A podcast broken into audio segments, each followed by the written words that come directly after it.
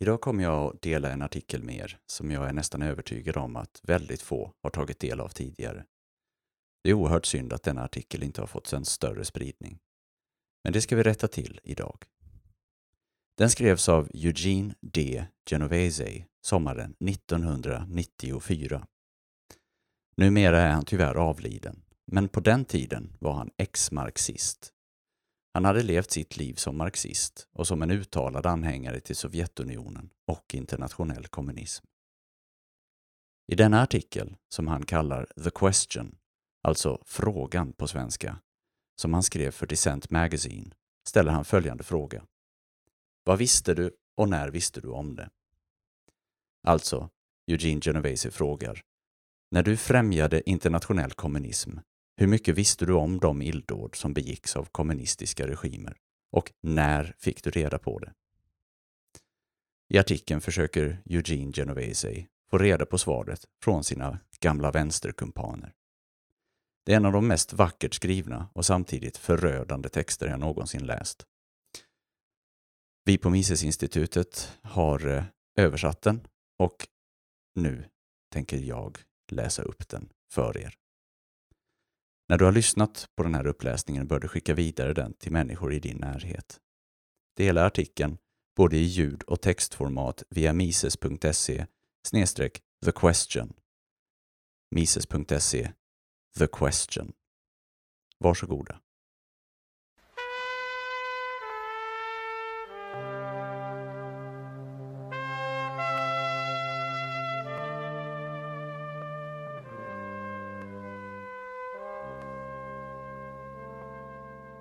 Eugene D. Genovese.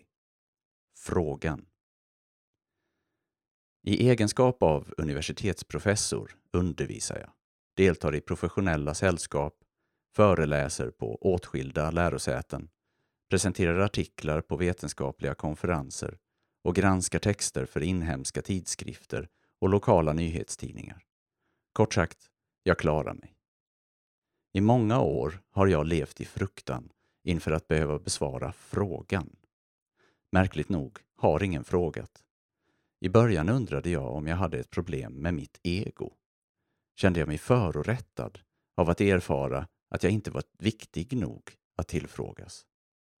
Fick inte mer synliga och yrkesmässigt hyllade profiler med liknande bakgrund som jag ställas till svars? Uppenbarligen inte. Så vitt jag vet har ingen av de andra, en inte obetydlig skara, blivit tillfrågade heller. Frågan lyder Vad visste du? Och när visste du det? Vid 15 års ålder blev jag kommunist.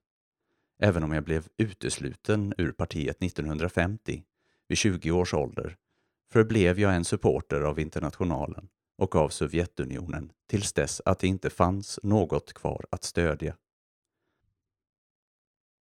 Som alla numera vet ledde denna nobla strävan efter att frigöra människan från våld och förtryck till att vi bröt alla existerande rekord för masslakt och lade tiotals miljoner döda människor på hög under mindre än ett tre fjärdedels sekel.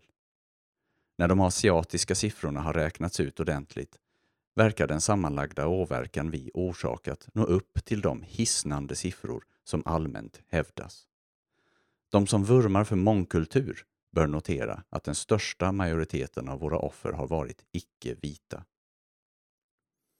Eftersom jag aldrig varit särskilt bra på matematik skyr jag munhuggning om statistik.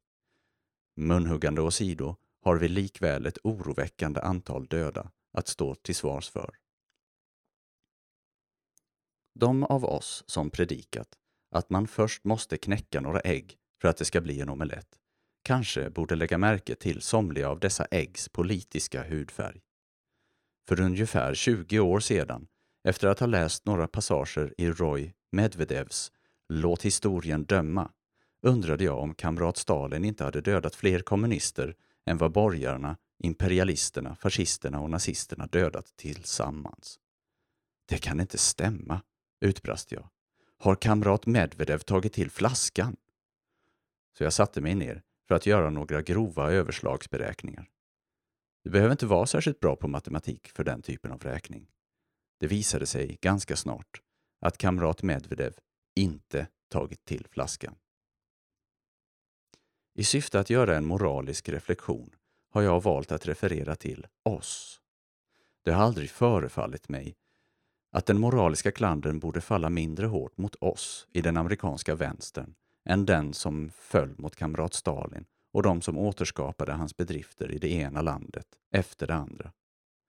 Jag är också rädd att en del av det moraliska ansvaret faller på demokratiska socialister, radikala demokrater och andra på vänsterflanken som ideligen fördömde stalinismen men som vanligtvis kunde räknas med att stödja, eh, kritiskt förstås, det essentiella i vår politiska linje, både i internationella och nationella angelägenheter. Särskilt underhållande är spektaklet av de som då var uttalade antistalinister och som ständigt fördömde socialistiska länder, som idag ändå applåderar varje ny revolution, fastän varenda idiot förstår att de flesta av dem kommer att gå samma öde till mötes. För den delen, hur skulle vi kunna ha överlevt politiskt om det inte vore för de otaliga liberaler som, i en eller annan utsträckning, har stött oss, uppenbarligen under den bekväma villfarelsen att vi var sociala reformatörer i ett något för brådskande tempo. En villfarelse vi själva aldrig led av. Det finns liberaler och så finns det liberaler. En distinktion av dessa borde presenteras. Inom akademin finns det sannerligen de som ihärdigt och ärofullt försvarar liberala principer.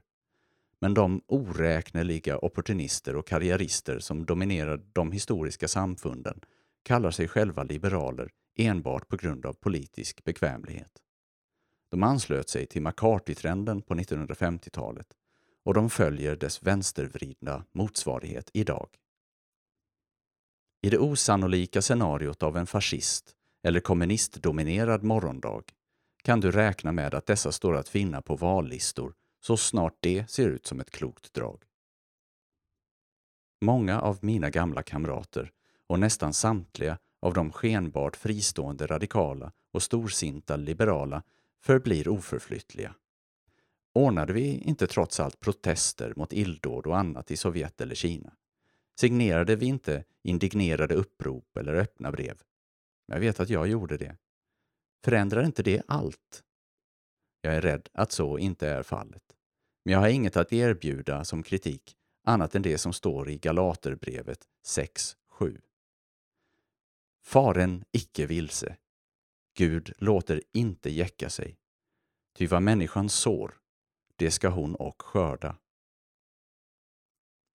Den 11 maj 1992, efter inbjudan till det högerinriktade American Enterprise Institute för att reflektera över de socialistiska ländernas kollaps, uppbådade jag all kapacitet jag hade för att undvika den enda frågan jag inte ville svara på.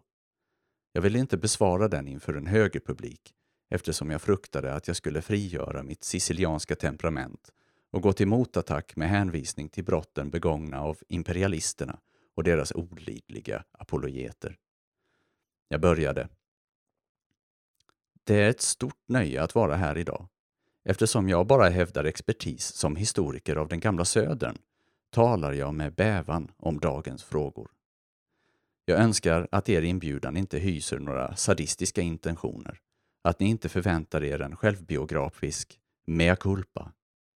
För även om det står klart att jag har varit en marxist och en inbiten Sovjetstödjare ogillar jag självbiografier och beundrar CIAs bärande maxim. Medge inget, förklara inget, be inte om ursäkt för någonting. Publiken svarade med ett godhjärtat skratt. Generellt sett är högermänniskor betydligt hövligare än vi på vänsterkanten. Skulle aldrig falla dem in att förolämpa sina gäster, så som jag förmodligen hade förolämpat dem om jag blivit utmanad. De ställde en del tuffa frågor under frågeställningen, men inte frågan. Nyligen åt jag och min fru middag med en välkänd vänsterjournalist och jag anmärkte om kommunismens dödsoffer. Han såg äcklad ut. Du, Ska du av alla människor bli masochist? Jag försäkrade honom så gott jag kunde att nej, jag har inte gått och blivit masochist på gamla dagar. Nej, jag har inte för avsikt att stå med svansen mellan benen framför högerfolk som stöttat oräkneliga imperialistiska massakrer eller socialdemokrater vars ansvariga och måttliga regeringar stöttade och underblåste dem. Jo, jag minns borgerlighetens häpnadsväckande skuld till slavhandeln och befästandet av plantagekolonier och massmorden i Afrika, Asien och Latinamerika. Jag minns att förintelsen inte var vårt verk. Jag förfasas fortfarande över likgiltigheten som praktiskt taget hela det amerikanska folket uppvisade vid mottagandet av rapporterna att en kvarts miljon indonesiska arbetare och bönder massakrerades under 1960-talet. Inte genom inbördeskrig, utan i sin egen säng. Jag kan allt detta utan och innan. Nej, jag skulle inte tiga still inför frågan från dem. Och jag skulle antagligen säga samma sak till dem som jag alltid sagt till mina elever. Er sida har haft sina massmördare och vår sida har haft våra. Kanske vetskapen om imperialistisk grymhet leder våra liberala kollegor att avhålla sig från att ställa oss mot väggen genom att ställa frågan. Men jag är rädd att så inte är fallet. Trots allt har de aldrig slutat förhöra vita i sydstaterna om deras brott, både verkliga och påhittade, som drabbat svarta. Låt oss erkänna. Samtliga brott av samtliga vita sydstatare tillsammans, åtminstone om vi begränsar oss till perioden sedan frigörelsen, skulle inte vara värt mer än en fotnot i vårt egna protokoll som stirrar på oss. För några år sedan gjordes ett lyckat försök till att förmå The Organization of American Historians, OAH, att fördöma apartheid i Sydafrika. I OAH och andra professionella sammanslutningar motsatte sig professor Wilborn Washburn resolut en sådan politisering och försökte belysa hyckleriet genom att erbjuda ett ställningstagande för att fördöma den så kallade halsbandsmetoden som användes mot svarta i Sydafrika, inklusive barn, av militanta element i ANC. För de som har glömt, halsbandsmetoden var avrättning genom att bränna offren levande. ANC fördömde senare halsbandsmetoden som inte bara fel, utan också barbarisk. OAH har fortfarande inte ställt sig bakom ett sådant fördömande. Jag skrattade. De fördömda vita sydafrikanerna dödade verkligen en hel del svarta och borde också stå till svars för det. Men genom hela deras historia har de knappast nått upp till de dödssiffror vi lyckats uppbåda under en mer inspirerad månads arbete. Jag skrattade ännu mer när våra liberala kollegor spydde ut sin vrede över de fruktansvärda rasisterna i Sydafrika medan de förblev tysta om de omätbart större massakrerna som uppstod under de perioder av etnisk rensning som var och är pågående i det svarta Afrika och på alla andra delar av jorden. New York Times tillkännagav nyligen att dödssiffrorna i den senaste omgången av etnisk rensning i Burundi har uppnått 150 000 samt en halv miljon flyktingar vars öde är osäkert. De historiska samfunden har inte hörts av. Ingen bör heller förvänta sig att de kommer att yttra sig. Om man ska tro på storheterna inom den radikala vänstern innebär att ställa frågan att man styr in på en reaktionär väg som leder bort uppmärksamheten från kvinnoförtrycket samt homosexuellas och andra förorättade minoriteters rättigheter. Lärda inom våra egna led har visat ytterst lite intresse att seriöst reflektera över kollapsen av de socialistiska länder som vi stödde till det bittra slutet. Eller över det personliga ansvar vi kan tänkas bära för de obehag som ledde fram till detta sorgliga utfall. Och utfallet är verkligen bedrövligt. Man skulle kanske kunna argumentera att masslakt är ett nödvändigt pris att betala för en storartad mänsklig frigörelse. Blodsoffret må ha varit fruktansvärt, men kan det inte ursäktas av att vi skapade en värld av jämlikhet, rättvisa och universell kärlek för våra barn. Under den kommunistiska revolutionen i Ungern 1919 förfärade Sigmund Freud sina vänner genom att meddela att han hade blivit en halv bolsjevik. En av hans kommunistiska elever förklarade att revolutionen skulle innebära hav av blod, ur vilken ett rättmätigt och humant samhälle skulle växa fram. Freud var en halv bolsjevik. Han bekände fullständig tilltro till den första halvan. I efterhand framstår Freud i god dager och vi inte i särskilt god dager. Vårt rättfärdigande började te sig sjaskigt när den storslagna frigörelsen allt tydligare kännetecknades av fruktansvärda politiska regimer som ingen vettig människa skulle vilja leva under. Det blev ohållbart när vårt projekt slutade i skamlig kollaps av det sociala system som var tänkt att förkroppsliga en skön ny värld och därmed rättfärdiga det oerhört stora offrandet av människoliv.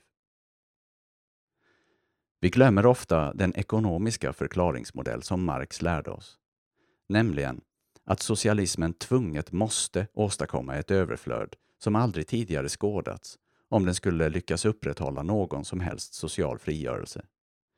Med några anmärkningsvärda undantag finner vänstern det inte relevant att diskutera ekonomi alls längre, förutom att rutinmässigt avfärda kommandoekonomin och lite ohörbart mumlande om nödvändigheten av marknaden. Men var finns ett seriöst försök att fastställa i vilken utsträckning socialism skulle kunna fungera utan en kommandoekonomi? Eller redogörelser för hur en socialistisk ekonomi skulle kunna integrera marknader? Ett fåtal vänsterekonomer, med Louise Furlager och Jay Mandel som de mest namnkundiga, försökte lyfta frågan långt före kollapsen av de socialistiska ekonomierna. Men de blev effektivt utfrysna av vänsterpressen och är fortfarande ignorerade. Jag tvivlar på att följande anmärkning av Nancy Foibre och Samuel Bowles, två andra respekterade vänsterekonomer, skulle kunna ändra ett skvatt. Citat. Vänsterekonomer, gruppen som vi räknar oss själva till, har än så länge misslyckats med att presentera ett övertygande alternativ till kapitalismen. Slutcitat. Ingen bör vara förvånad över att inget av våra ledande historiska samfund har tyckt att det skulle kunna vara intellektuellt motiverat att ägna tid på våra enorma årliga sammankomster till rena diskussioner om socialismens sammanbrott. Vi i vänstern blir regelbundet inbjudna att lämna in artiklar om nästan vilket ämne som helst, utom just detta. Vi är inte tillfrågade att uppskatta bedrifterna lika väl som katastroferna, hjältedåden likväl som brotten och de läxor vi själva lärt oss av denna tragiska upplevelse. Ingen bör förvånas över att vi aldrig har ställts mot väggen för att försvara oss själva. Petsanovantin, de som drar i strängarna inom vår profession, har betydligt viktigare saker att tänka på. När de kan ta tid ifrån sina primära befattningar, distributionen av jobb, priser och andra former av beskydd, försjunker de i allvarsamt fördömande av de förfärliga kränkningarna av mänskliga rättigheter som Kristoffer Columbus begick. Jag vet att det är osmakligt att skratta, men jag skrattar ändå. Jag blir hellre dömd som en tölp än ertappad med att kräkas. Vi behöver inte skuldtrippar och vi behöver inte heller slå oss för bröstet. Det vi behöver är en nykter omvärdering av de ideologiska grunder som utmärker vår politiska bana. Jag är inte säker på att jag gör rätt i att vägra stå till svars inför våra gamla politiska motståndare. Men jag är säker att vi i vänstern måste stå till svars för oss själva, för varandra, för den rörelse vi ägnat våra liv åt och särskilt till de kamrater som själva blev massakrerade i den heroiska ambitionen att göra världen till en bättre plats. Vänstern hånler åt Burkes stora diktum att staten, eller ännu hellre samhället, är en pakt mellan de levande, de döda och de ännu ofödda. Men sanningshalten i detta diktum hemsöker oss om och om igen. Om inte annat, vi kan inte undfly vår plikt att se till att de miljontals av våra kamrater som dog i den revolutionära kampen inte dog förgäves.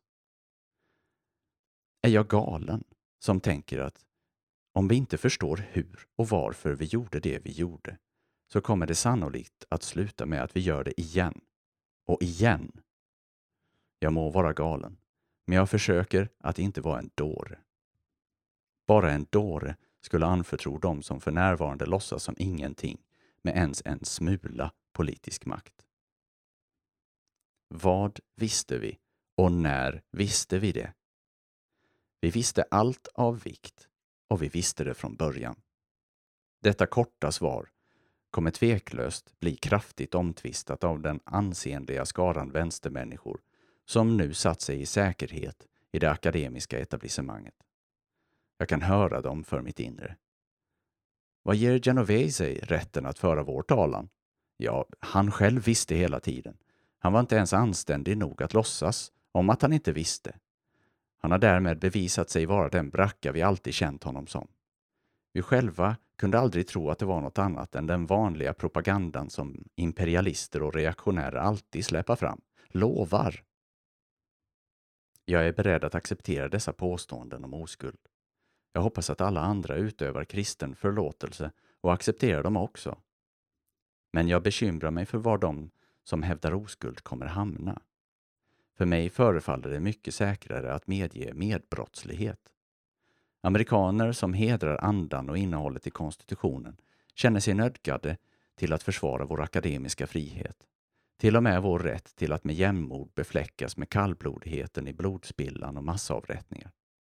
Om huruvida våra oskyldiga insisterar på att plädera ignorans snarare än medbrottslighet som konstitutionen medger, kommer de att förgöra sig själva, särskilt historikerna bland dem. Därmed ger de sitt medgivande till att frivilligt förneka att undersöka de bevis som har radats upp ända från början. Således bekänner de sig till professionell inkompetens. Jag avråder från en sådan plädering eftersom det skulle utgöra grund för återkallande av professurer med besittningsrätt. Det är säkrare att plädera nolo contendere, utan bestridande. När någon kommer sig för att ställa frågan ska jag svara uppriktigt och på det bästa sätt jag kan förklara mina skäl till att följt med i kampen. Men jag kommer insistera på att göra det i ett forum där demokratiska socialister, radikala demokrater och liberaler är sammankallade för att också avge sina svar.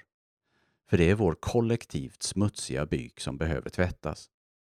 För övrigt, våra motsvarigheter till höger vet redan vad svaret är, även om de själva har en inte obetydlig del frågor att stå till svars för. För stunden kommer jag nöja mig med några korta meningar. Hemskheterna var inte sprungna ur perversionen i radikal ideologi, utan från ideologin sig självt. Vi leddes inte in i medskyldighet till massmord och vanhelgandet av våra förgivna ideal av stalinister eller andra förvanskningar av höga ideal. Än mindre av olycksaliga krumbukter av någon förmodat objektiv historisk riktning utan av en djup brist i vår grundläggande förståelse av den mänskliga naturen, dess svagheter och dess möjligheter, och av vår oförmåga att ersätta den etiska och moraliska bas som vi sedan länge försetts med från religionen, som vi förkastade med likgiltighet, för att inte säga förakt. Frågan om moraliskt ansvar har tagits upp inom vänstern, om än försiktigt och indirekt, av några få modiga själar som Roberto Mangabeira Unger och Cornell West. De uppmärksammade priset vi har fått betala för att vi förkastade kristen etik utan att ha någonting att ersätta den med och manade till ett slut för det blinda hatet som förväxlar syndaren med synden. Unger och West är med rätta vördade personer inom vänstern och har uppnått åtminstone formell respekt men deras ansträngningar att åstadkomma en omvärdering av religiösa fundament för politisk etik har inte lyckats tända den minsta gnista till diskussion. Man kan inte låta bli att undra vilken sorts respekt det är. Är det meningen att vi ska tro att Unger och West skojar med sin frågeställning? Hela vårt projekt för mänsklig frigörelse har vilat på en serie av gigantiska illusioner. De katastrofala konsekvenserna av vårt misslyckande under detta sekel, inte bara dödstalen, men också den monotont återkommande despotismen och den hänsynslösa grymheten, kan inte avfärdas som tillfälliga sinnesförvirringar. Samma konsekvenser har ständigt följt i kölvattnet efter segrar för radikala, egalitära rörelser. Vi har fortfarande inte besvarat den kritik högern för fram och vilken dessvärre är väl dokumenterad, nämligen den att genom historien, från forntiden till bondekrigen under 1500-talet, till järnridån och vidare, har sociala rörelser som hyllat radikal egalitarism och deltagande demokrati börjat med massmord och slutat med despotism. Låt oss medge arguendo, för argumentets skull, att de härskande klasserna har gjort mycket värre saker. Vilken tröst den tanken än må ge oss kvarstår vårt egna problem. Vilket slags samhälle skulle vi själva kunna bygga upp på en världsbild grumlad av flagrant irrationalitet uppställd som en självbevisande sanning? Även om det förstärks av rop från sandlådan att den här gången är det annorlunda. De påstått höga idealen som vi placerat i centrum för vår ideologi och politik är exakt vad som behöver omprövas. Men de kan inte ens längre göras till föremål för diskussion i massmedia eller på våra universitet och definitivt inte inom vänstern själv. Idealen antas vara givna. En ouppnåelig jämlikhet av förhållanden, radikal demokrati som alltid har slutat med just den tyranni den syftade till att upplösa. En hyllning av mänsklig godhet eller formbarhet ackompanjerad av dagliga kungörelser av nyligen upptäckta omistliga rättigheter till självuttryck.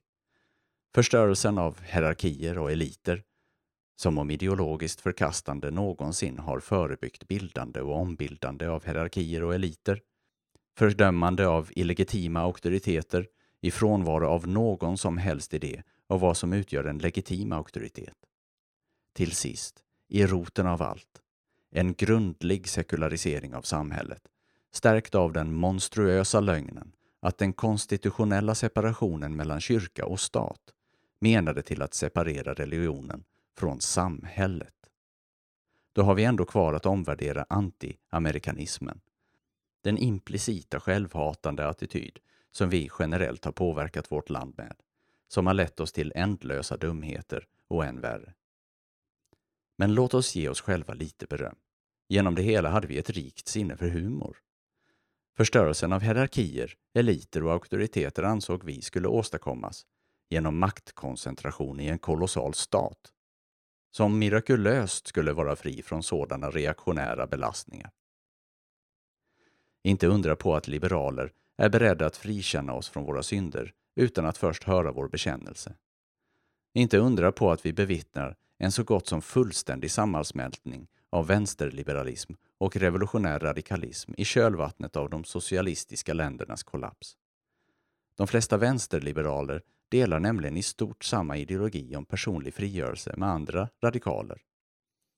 Både radikaler och konservativa har alltid anklagat liberaler för att i grunden inte tro på sina egna ideal eftersom de vägrar att fullfölja logiken i sina egna egalitära och radikaldemokratiska premisser. De har rätt om vägran, men inte nödvändigtvis om undermålig tilltro. Det finns mer barmhärtiga förklaringar, inklusive en hälsosam känsla av äckel hos humana liberaler emot att byta ut anständighet och sunt förnuft mot logisk följdriktighet.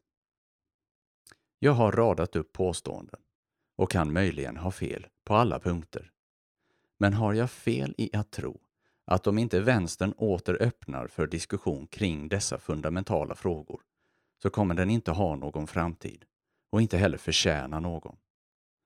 De svåraste problemen med politisk korrekthet uppstår från den illa dolda inbjudan till ändlös repetition av brott, grymheter och värst av allt, misslyckanden. Ja, värst av allt är misslyckandena. För den fördjupade ohygglighet som det svarta Amerika står inför, för att inte tala om andra annalkande ohyggligheter, kan inte hejdas av en moraliskt bankrutt rörelse med ett förskräckligt bagage av politiska och ekonomiska misslyckanden. Oavsett hur många pyrrhussegrar den radar upp på obskyra och degraderade college campus. Vänstern har haft rätt i att kämpa för social rättvisa. Så som Alexander Solzhenitsyn som inte är en vän till oss, nyligen observerade. Citat. Trots att det socialistkommunistiska idealet har kollapsat består problemen det sjösattes för att lösa. Den skamlösa användningen av socialt övertag och pengarnas omåttliga makt som ofta dirigerar själva kursen av händelsernas utveckling. Slutcitat. Vår talan emot klassrelaterade rättvisor, rasism och förtrycket av kvinnor har inte blivit mindre angelägen på grund av socialismens förfall. De miljontals av våra egna martyrkamrater som slogs mot dessa ohyggligheter får inte ha dött förgäves.